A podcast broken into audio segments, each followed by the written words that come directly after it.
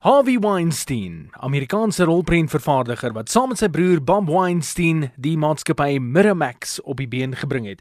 Hulle was verantwoordelik vir rolprente soos The Crying Game, Pulp Fiction, Heavenly Creatures, Flirting with Disaster en ook Shakespeare in Love. Dit is juis vir die laasgenoemde wat hy 'n Oscar-toekenning ontvang het. In sy loopbaan het hy 7 Tony-toekennings ontvang vir onder meer Billy Elliot the Musical en ook The Producers. Maar alles sou verander op die dag in 2017 danksy 'n verslag van The New York Times.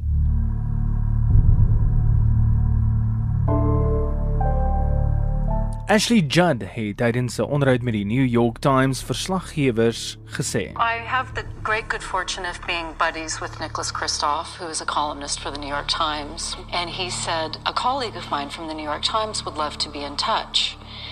And I thought this is about Harvey.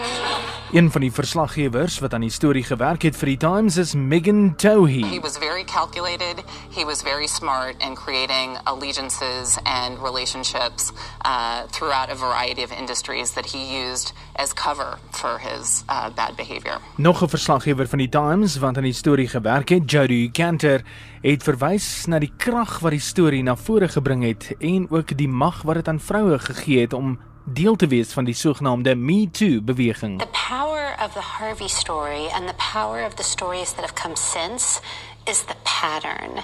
It was eerie how similar the stories of predation were.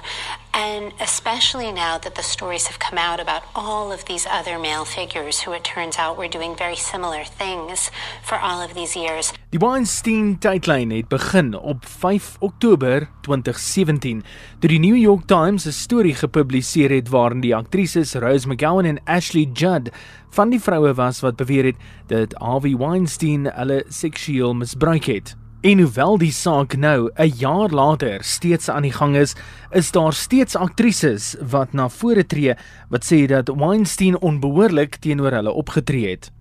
Die mees onlangse was die Duitse aktrise Emma Lohman wat op 22 Augustus hierdie jaar aangedui het dat sy Weinstein gaan dagvaar vir verkrachting. Weinstein se prokureur het gesê dat die aantuiging onwaar is en dat hulle 'n aansoek voor die hof gebring het om die beskuldiging tersyde te stel.